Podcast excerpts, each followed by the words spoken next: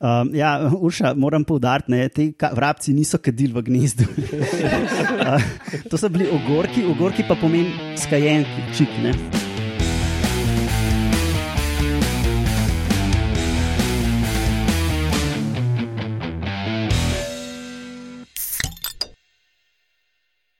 Lepo zdrav, poslušate 64. oddajo Metamorfoza, to je podcast o biologiji organizmov, ki vam jo predstavljamo skozi lahkoten pogovor o pivu.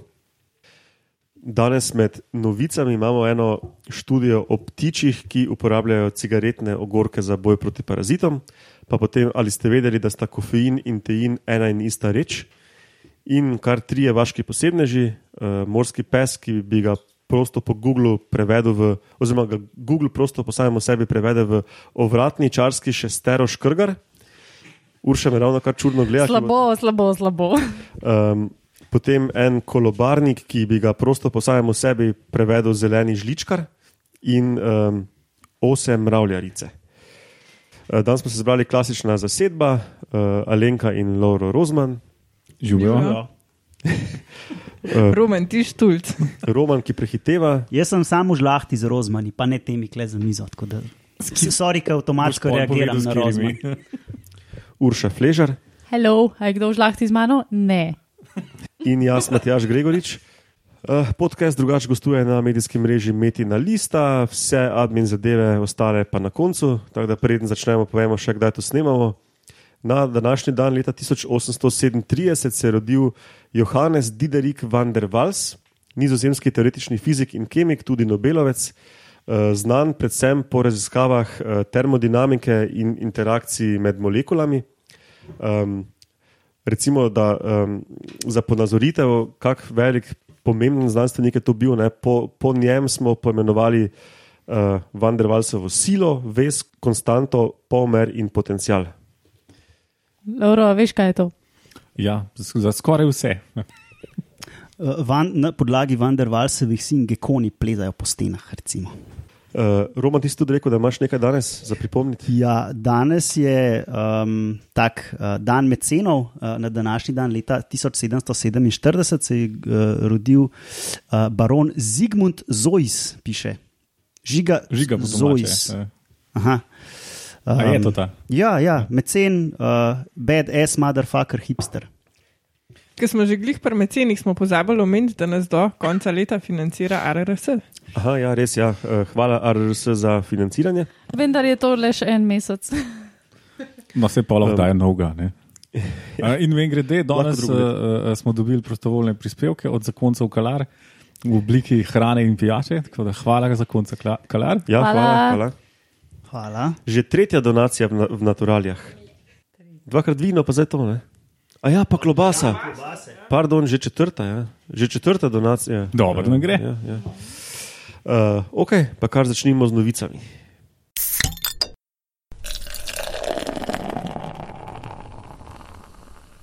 In to si ti, Roman, danes. Ja, Matjaž je že omenil, da bom nekaj povedal o, o cigaretnih ogorkih v ptičjih gnezdih. Uh, vemo, da ptiči, ki nabirajo material za gnezdo, pobirajo pač kar jim pride pod, pod klun.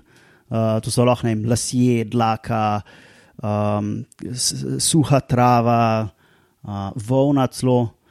Um, in so opazili že kar nekaj časa nazaj, da tudi uh, ugorke dajo noter. Um, in niso to točno vedeli, zakaj. Sicer so videli, da je neka povezava med tem, da je manj um, parazitov v gnezdih, kjer je več ugorkov, ampak niso vedeli, ali je to za nalož, delajo ptiči ali ne. No, in so se eni uh, gospodje z univerze, Universitat, neki, neki Mehiko, um, so se spravili narediti poskus, ki so um, ne, enim parom ptičev vzeli, znam, več parov je bilo. Uh, potem, ko so se že ptiči izvolili, mladiči izvolili, so jim vzeli gnezda in so jih nadomestili z novimi gnezdi, um, ki so bile pač, pač brez ugorkov noter, sicer so bile tako temperaturno isto, uh, kar stara gnezda. Um, tako da s tem ni bilo problema. In pol so pa, gle, pa noter so jim dali še v gnezda klope, se pravi žive klope, ki so jih pobrali iz starih gnezd, uh, mrtve klope ali pa noč klopo. Čak, a ptiči imajo klope ali kaj? Ja, pa ne samo to. pa bohe, pa pi, kaj so pernate uši. Pa vse gliste, trakulje in ostale notranje sodelavce, ne samo zunanje. Iu. No, jaz sem bolj mislil te zunanje, kle so preučevali te zunanje parazite. No, in pač so dali v gnezda ta, te tretmaje, ne, se pravi žive klope, mrtve klope, pa neč klopov, in pol bi pričakoval, a ne, da če bojo dal v tista gnezda, kjer, je, kjer so živi klopi, če bo več čikov, bi pričakoval, da ptiči to namerno delajo. Ne. Uh, in se je izkazalo, da je točno to. Ne. V tistih gnezdih, kjer, je bilo, uh, kjer so bili živi klopi, so ptič, samice začele noter čike nositi, uh, pa pogorele, ne, da ne bo. Um, in s tem nekako zmanjšajo um, nekak to prekuženost s klopi in domnevno poveča fitness oziroma po, poveča možnost uh, preživetja mladičev. E, misliš, da če psu pol v sezoni za uvratnico samo en čik zatakneš, da to pa kaj dela? Ja, to se sliši kot za en članek, bo lahko Če probamo. imajo uh, lastniki, ki kadijo, uh, manj Ne, na to, ne, to zihar ne. Uh, vem za primere, ki so ki zelo kadijo, pa, pa imajo klope, psi. Samo gorki. Torej. A tudi če noter kadijo v stanovanju, da so vsa pohištva prežeta s tem dimom, ki psi gor ležijo in tako naprej. Ja, ja, točno ta primer imam zdaj v mislih. Ne deluje očitno. Ja, Ruan, zakaj so dali pa mrtve klope? Um, ja, pač rabili so nekak, neko kontrolo pozitivno, ne? se pravi, fizično klopi so bili prisotni, ampak niso pa se presesala. Ne? In tako nekako izključiš klope. Um, to je pozitivna kontrola, negativna kontrola je pa pač brez klopov. ne. Uh, tista ti pa da videti, da je mogoče sam prisotnost klopov včasih bi lahko pomenila nek efekt panine. Žal mi je, da sem vprašal. Sam, kako so pa tako potrdili, da je dim točno tisti, oziroma a so potrdili, da je dim točno tisti, ki preganja klope, ali so mogoče diskutirali tudi, da je kakšna druga substanca v teh ogorkih, ali pa sam ogork kot mehanska zadeva, tisti, ki prepreči okuženost.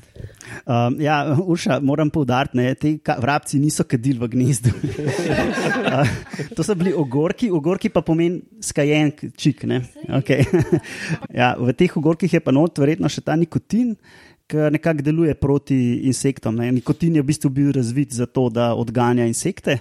In, no, zanimivo je pa to, ne, ne vejo pa, kako vrabci vejo, da, je, da so ogorki tisti, ki vsebujejo te snovi, ki delujejo negativno na klope. Ne. Ja, se ni bilo vprašanje, kako vrabci vejo, pa kaj točno v, v ogorku dela. Ne? Vprašanje tega članka je bilo, ali to delajo namerno, ne? zato pač je to Ja. ali, ali, um, zaradi posledic klopih ugrizov, ne?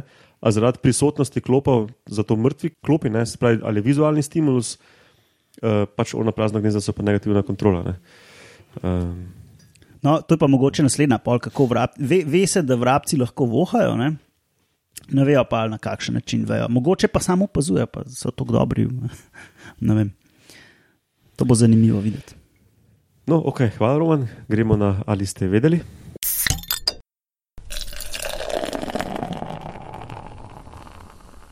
Ali ste vedeli, da sta kofein in tein kemijsko ista stvar? Ne. Ne. To je to, ali ste vedeli. Ne, hitam se. Um, gre za neke vrste alkaloid in med alkaloide spadajo praktično vse snovi rastlinskega izvora, ki vsebujejo dušik in imajo fiziološki vpliv na ljudi, kar je pač full snovi. Med drugim tudi recimo morfi, pa nikotin, ki smo jih prej o njem govorili, pa kapsaicin, ki smo ga tudi že enkrat imeli v zobeh, um, pa kofein. Kako pa deluje? Uh, spremeni v bistvu delovanje možganov in sicer na dva načina. Eno je, da hkrati poveča metabolno aktivnost možganov in zmanjša dotok krvi, kar v bistvu je ful kontraproduktivno, ker pač možgani ful delajo, ampak nimajo dosti hranil. Po drugi strani pa dela zmedo na sinapsah. Um, sinapse so ti uh, stiki med nevroni. Um, ne bomo šli danes down that rabbit hole. Ali, ali pa nevroni in mišicam. Ja, ali pa med nevroni in žlezami. ne bomo danes o tem. V glavnem, zakaj dela zmedo na sinapsah? Um, kemijsko je to purin in sicer najbolj znani uh, snovi, ki vsebujejo purin, sta recimo adenin in guanin. To so tiste A, pa G od ABCD, ki ima DNK. Ne, DNK pozna štiri črke, A, G, C in T, in dve črke od teh vsebujeta snov, ki je zelo podobna kofeinu. Za tiste bolj gike, tudi ATP vsebuje uh, purin, pa uh, sečna kislina. In predvsem ta adenozin ima pomembno vlogo pri sinapsah. In ker je moj kofein zelo podoben, se veže na iste receptorje in na ta način pač spremeni delovanje možganov. Um, ima dva zelo fajn efekta, zaradi česar imamo zelo radi kavo, pa čaj. In sicer aktivira noradrenalinske nevrone. Um, Ti pa imajo pač ta efekt, da si buden, akcija, tako pripravljenost. Uh, pa po drugi strani tudi poveča izločanje dopamina, kar ima pa za posledico to, da se imaš full fine, da je svet lep in skratka kontra, kontradepresiji. Um, ja, kofein zgleda full fine. Ampak, um, aha, pa še recimo, koliko kofeina je v enem ekspresu tu, a bi kdo ugibal? Premalo. Kakšne so note miligrami na mililiter, kaj takega? Resnega? Miligrame na ekspresu. 80 do 100. 238. Jaz sem 250, hotel reči, ampak dobro. Vse lahko rečeš. 78. No, Urša je bila najbližji. Tle ena ocena je 212 mg. Se je zavedla. Ja. In v bistvu obstaja čisti kofein, nekaj tak kristalen prahac, in ena žlička čistega kofeina bi zalegla za 25 kav. In te ubije? Um, ja, kofein te lahko dejansko ubije. Uh, ocene, koliko kofeina rabiš, da ubiješ človeka, so pa zelo različne. Eni pravijo 5 gramov, eni pravijo 10 gramov, ampak ja, to je tam nekje med 25 in 50 kav. Če se sklicujem na naš prejšnji podcast, uh, ki sem govorila o meduzah, ne pa me tjaš pripomnil, kaj če bi dal mogoče kavo zraven, oziroma kofein. Aj bilo, kakšne, uh, so bili kakšni testi narejeni, kako različno deluje kofein ali pa tein na različne vrste oziroma organizme. Ma sigurno so bili, veš kaj, kofein je fulž študirana substanca. Um, sploh zaradi tega, ker jo potrošimo, ma, lej, pač kofein pa cement, ne, to sta pač v naši kulturi dve najbolj. Si pogledala za čaj vsebnost? Ne, nisem. Pač Jaz kar, sem, Manj je. manj, ja, manj.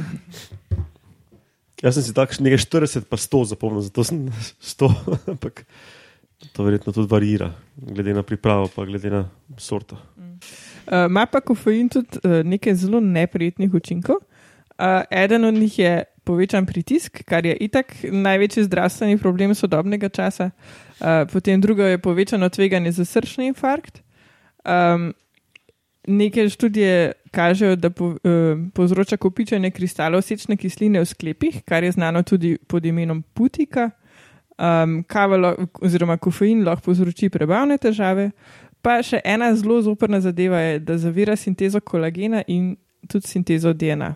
Tako da, ja, pač, če, To bi pa se radi, slabo, ne? To pa je zelo slabo. ja, če bi se radi hitro postarali, evo, veliko kave je ta prav odgovor. Um, ok, te pa gremo na vaše posebne že. Ne?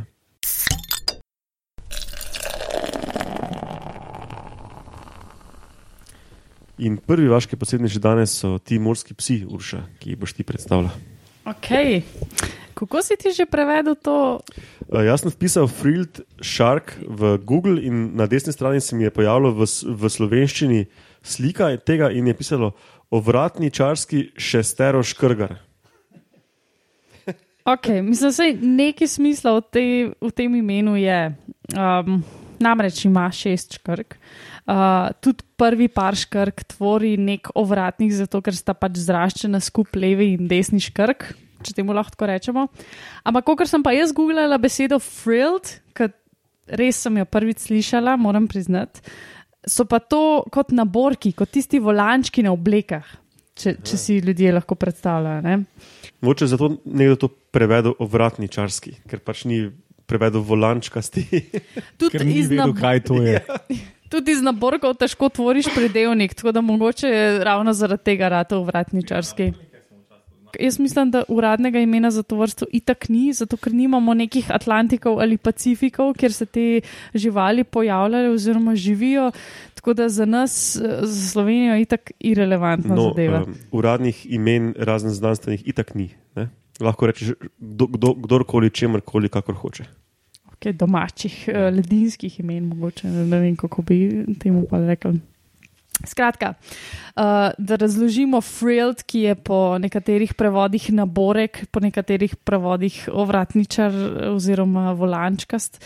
Zakaj se temu sploh tako reče po angliško? Ne? Zato, ker imajo škrge neke take podaljške kožne, ki delujejo kot neke take strukture, neke take volančki, okraski. Ne? In potem so pač celo, celo vrsto, oziroma cel rod celo poimenovali um, na tak način. Mm, kot smo rekli, ne, imajo šest parov škrk, ampak to niti ni tako posebno, kot dejstvo, kakšne imajo te um, morski psi zobe. Vse veste, da vsi morski psi imajo posebne zobe, v smislu, da so zelo ostri, taki nazobčani, skratka, naredijo veliko škode. ne. Um, in te morski psi imajo v posebnem redu urejene te zobe. Jaz zdaj zelo težko to razložim. Roman mi kaže sliko, pa to sliko sem že velikrat videla, ampak nimajo tako v vrsti zob, kot ima recimo The Great Whites, Whites ali pa mi, ne, da pač gre po čeljusti, ampak imajo pravokotno na čeljust te vrste zob. In um, teh vrst zob je veliko, tako skoraj do 40 na čeljust, um, in v vsaki vrsti je po do 10 parov teh iglis, igličastih zob. Najbrž zdaj nisem dobro razložila, tako da dajte pogooglati, oziroma bomo tja že kakšno sliko v Bom, zapiske. bomo dali zapiske. ja. Ampak to je res taka posebnost, ki je ne vidimo pri nobeni drugi skupini. Ne? In eh, prvo so se seveda vprašali, zakaj imajo take zobe.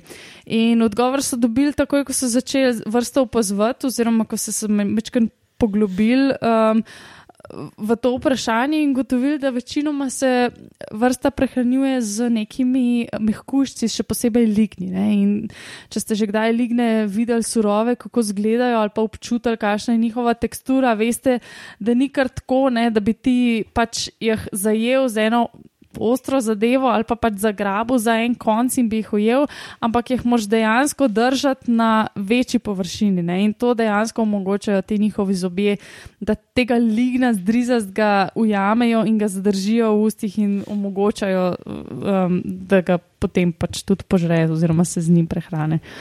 Uh, seveda, to ni edina njihova posebnost, poleg teh njihovih valovitih škrk, um, so tudi uh, fosilna vrsta. In so sicer stari, približno toliko kot dinozauri, ali T-Rex, ali pa celo še več, niso, niso zedinjeni znanstveniki, oziroma uh, ni, niso poenoteni uh, znanstveniki, koliko stara veja to je, ampak vsaj 80 milijonov let, ne, kar je res toliko, kot so dinozauri, kot je naprimer T-Rex. Lahko pa da grejo celo do š- 600 milijonov let nazaj. Ja, hotel sem reči, da za morske pse je to relativno mlado, ker morski psi so v bistvu že v času dinozaurov plavali. Ja, in ta je še posebej neka zelo zastarela veja. Um, so pa taki srednje globokomorski in zato mogoče tudi izgledajo mečkan bolj čudno oziroma drugače kot drugi morski psi, ki smo jih vajeni iz nekih, uh, mogoče BBC-ovih dokumentarcev ali pa Discovery ali kakorkoli. Take jeguljaste oblike so, sicer niso tako veliki, grejo približno do 2 metra v dolžino. Um, imajo plavuti bolj pri koncu in so zelo taki, če, če pogooglate sliko celotne živali, izgledajo dost um, srhljivo. Zgledajo dosti srhljivo in se zdi, oziroma razlagajo tiste zgodbe o razno raznih sea serpentih, oziroma morskih uh, kačah, ali kako bi temu rekli. Ne? Smatrajo, oziroma predvidevajo, da so mogoče to res bili te morski psi. Skratka, mogoče ne do dva metra, kakšne vrste so več, in mogoče je to res bila tista uh, morska kačka iz, ma, kača iz pripovedk. Tako da, to je to. Kar se tiče parjenja, so tudi posebni. Pač noseče so samice lahko do 3,5 let, kar je več kot slon, ampak to je mogoče neka, nek ostanek njihove te. Uh, pač starosti cele linije In globoko morskosti. in mogoče. globoko marskosti. Ampak načeloma pa mogoče bi edini še to, no, da niso edini čudaki, kar se tiče morskih psov, ampak to bomo prešparili za kakšne druge oddaje. Če vam dam pa en hint oziroma namik, pa lahko pogooglate Goblin Ghost in Cookie Cutter. Cookie Cutter. To smo pa že imeli v Halloween epizodi številka, epizoda številka 4, meni se zdi, kot tebe Urša še ni bilo. Ja, Ja. Ne, ne. Mislim, da je Lauro to izbral za svojo grozno pošast. Zna biti, ampak se jaz spomnim. Ampak No. no. verjeten, ja. No, kakorkoli, Lauro, ko že govoriš, uh, naslednji vrsti, ne? posebne še Bonelija Viridis. Torej, ta um, Bonelija viridis uh, ali prej, že prej omenjena uh, zelena uh, žlico uh, črva. ne. Po Googlu, torej angliško je Green Spoon Worm. Če pa zdaj nehamo, nehamo z neumnostmi, ne, pa povemo, da je, gre za kolobarnika, torej sorodnika uh, recimo temu um, deževnikov in pijavk in podobne zalege. Uh, torej gre za ene. Um, Tako, no. Moški so precej drugačni od ženskih predstavnikov. Bomo začeli z ženskami. Gre za okoli 15 cm dolge, ali pa do 15 cm dolge živali zelene barve, ki so med okroglo in klobasasto obliko, tako pač uh, nimajo neke um, simpatične ali pa stalne oblike. Matjaž bo dal um, verjeten v zapiske eno sliko, se pravi za neko zeleno zdris in čudne oblike gre ki živi um, v severno-vzhodnem Atlantiku in Mediteranu, torej tudi pri nas. Uh, in uh, sicer na morskem dno, dnu, um, med 10 in 100 metrov um, pod vodo, živi pa tako, da se pač na pesku pase ali pa da se zakopava noter. Uh, tako je s temi samicami. ne. Jejo tako, da um, pojejo majhne živali ali pa, uh, de, ali pa detrit. Ne. Pol pa še nekaj posebnega. Ne? Uh, teli samci ne, so pa eni taki zanikrne živali, med uh, 1 in 3 mm veliki so in taki spuščeni in uh, jako reducirane notranje organe imajo, v glavnem so sam spolovila, pa koža, pa nič drugega ni od njih. Živijo pa na samici ali pa v samici. Skratka, služijo svojemu namenu. Ja, in to je pa tudi to. ne. Pač tak, to, to kar bi samcu v resnici mogel delati. Ona služi tudi temu, da je kavč, zrihta mu hrano, vse, on samo pač brizga tisto spermo okoli in to je to, ona je srečna. Tako da zdaj s televizijo ne vem, kako je. Ampak pustimo to. Um, njihova posebnost je tudi ta prej omenjena zelena barva, ki ga eh, prispeva pigment, ki se mu reče bonelin, ki pa je eh, zelo zabaven iz različnih raz- vzrokov in vse bom naštel. Um, mogoče ne vse. En je ta, ta da je to uh, kar strupena zadeva za ostale organizme, uh, majhne živali paralizira.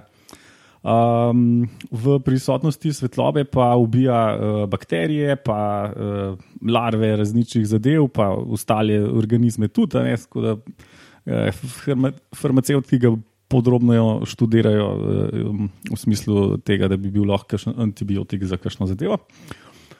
Uh, dobro, pojdimo naprej iz te dolgočasnosti um, in gremo naprej na spolnost. Spolno ima vlogo tudi pri pr spolnosti, seveda, ne, ta zelena zadeva. In sicer, če začnemo spet tudi v zadnji. Uh, larve so prosto plavajoče ne, in uh, um, nimajo še uh, definiranega spola. Ne. Se pravi, la, te larvice plavajo lepo po vodi ne, in se lepo usedejo na podlago.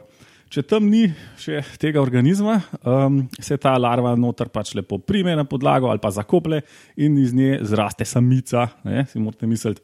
Če pa ta larva ne, najde samico, se pa preobraz v samca in sicer pod vplivom uh, tega belega b- zelenega uh, uh, barvila, ki ga pač ta samec nekako uh, ne, Čakaj, samo malo. Absorbira in zaradi tega rata samec. Ampak a to zraste in se preobrazi na samici, ali zraven nje, ali v bližini na samici? Na samici. Če ima to srečo ali smolo, kako pač gledaš, da pade na mesto na pesek, skalo ali kaj druga na samico, potem je to barvilo, ta, kako se rekel, da je ime, B, čakaj, bonelin, bonelin, pač uh, sproži um, preobrazbo samca. ja, pač Iz, eh, razvoj moškega spola in to je pač Iz larve, ki je obojespolnik, oziroma nič spolnik. nič spolnik. pač br uh, ličinka je brez pola in če pade na samico, se preobrazi v samca in ostane na njeni steni ali pa celo v njenem telesu. Ne. No, podatki so nakazovali, da uh, to niti ni tako sreča ali pa nesreča, da, je, da jih večina uh, rata samci, kar pomeni, da na nek način najdejo samico, kar pa sicer ni bilo upisano. Uh, tako da pač očitno imajo neke mehanizme, kako najdejo to babo. Um, ampak seveda ni bilo navedeno. Pravi je sreča biti samec, očitno.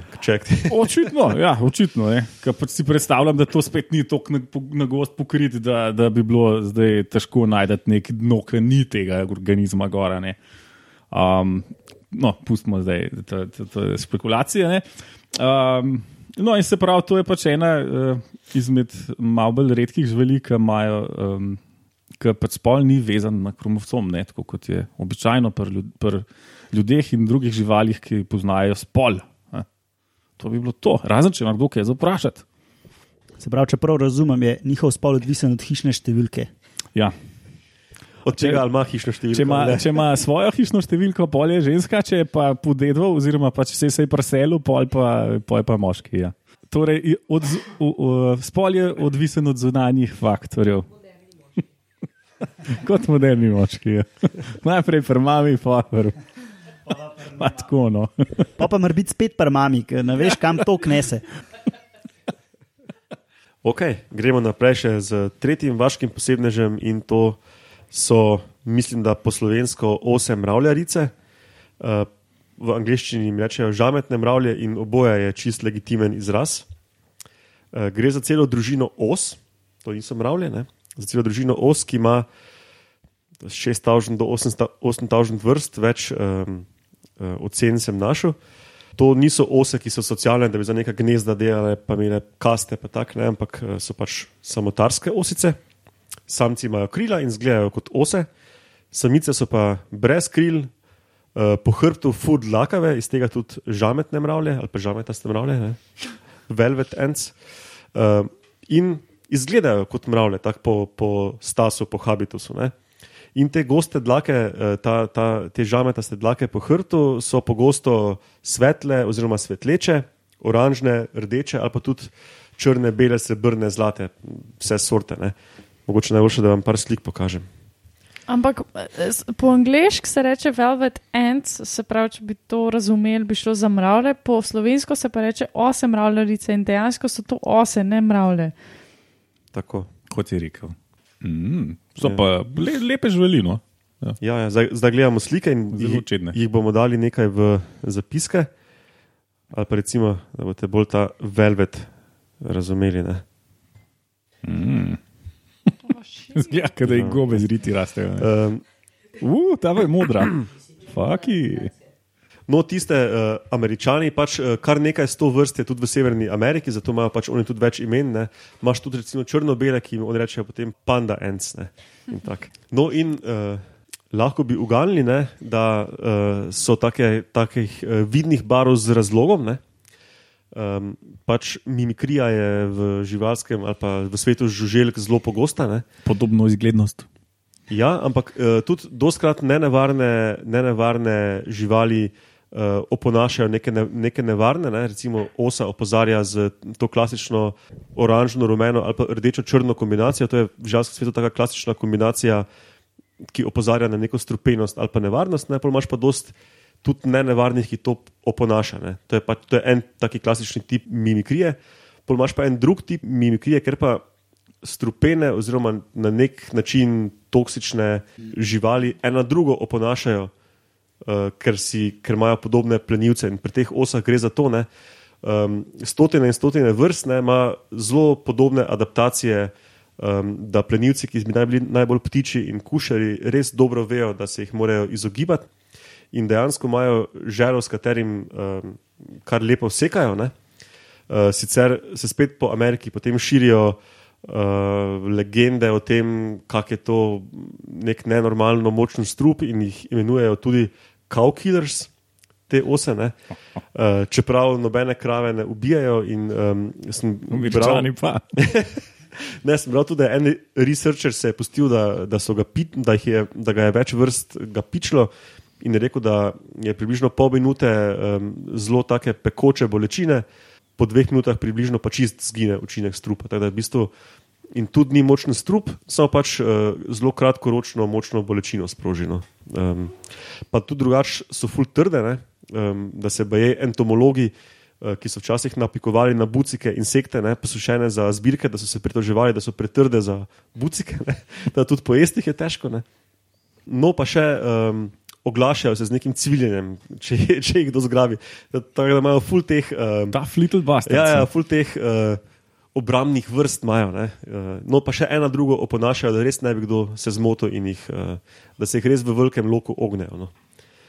Um, no, potem pa še en taki tak kuki, ne, odrasle so rastlinojede, ličinke so pa parazitske, uh, na drugih skoraj žlahti, no, to so vse kože krilci, kamor spadajo tudi mravlje, pa čebele, uh, pač mrli. In uh, samice, ki so oplojene, pač poiščejo čebele ali pač mrle, odvisno od vrste. Potem um, izlagajo po eno jajce na gnezdo, in tiste, iz tistega jajca se ena ličinka izleže, ki potem na tistih uh, na zarodu čebel ali pa čmrljev parazitira, cool. ker se ne izleže. Ja. To je to. Res kul cool osice, pa še ja. čedne. Pa še čedne, kul cool osice. Ja. no, ok. To je pa tudi to za to 64. oddajo.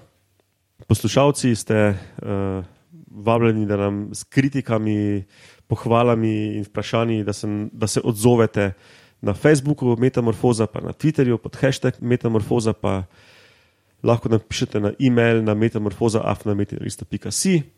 Uh, Romana dobite osebno, na Twitterju pod Romunov, Uršo pa pod Ed Gozna Jožica, samo pač malo manj Twitter gleda, zdaj že nekaj zmajuje z glavo, pa mene pa pod Ed Matjaš Gregorič, uh, Lauro pa Alenka sta dosegljiva na, na svojih Facebookih. Uh, ja, še enkrat hvala RRS, hvala Metina Lista, hvala Ole Reuter za logo. Sem še kaj pozabil? Za konca kalar. Ja, hvala za konca kalar za pico um, in pivo. Ja, in to je to. Hvala vam štirim za sodelovanje in se slišimo v naslednji epizodi, ki jo bomo posneli takoj zdaj po pauzi za BC. Adijo. Pa pa.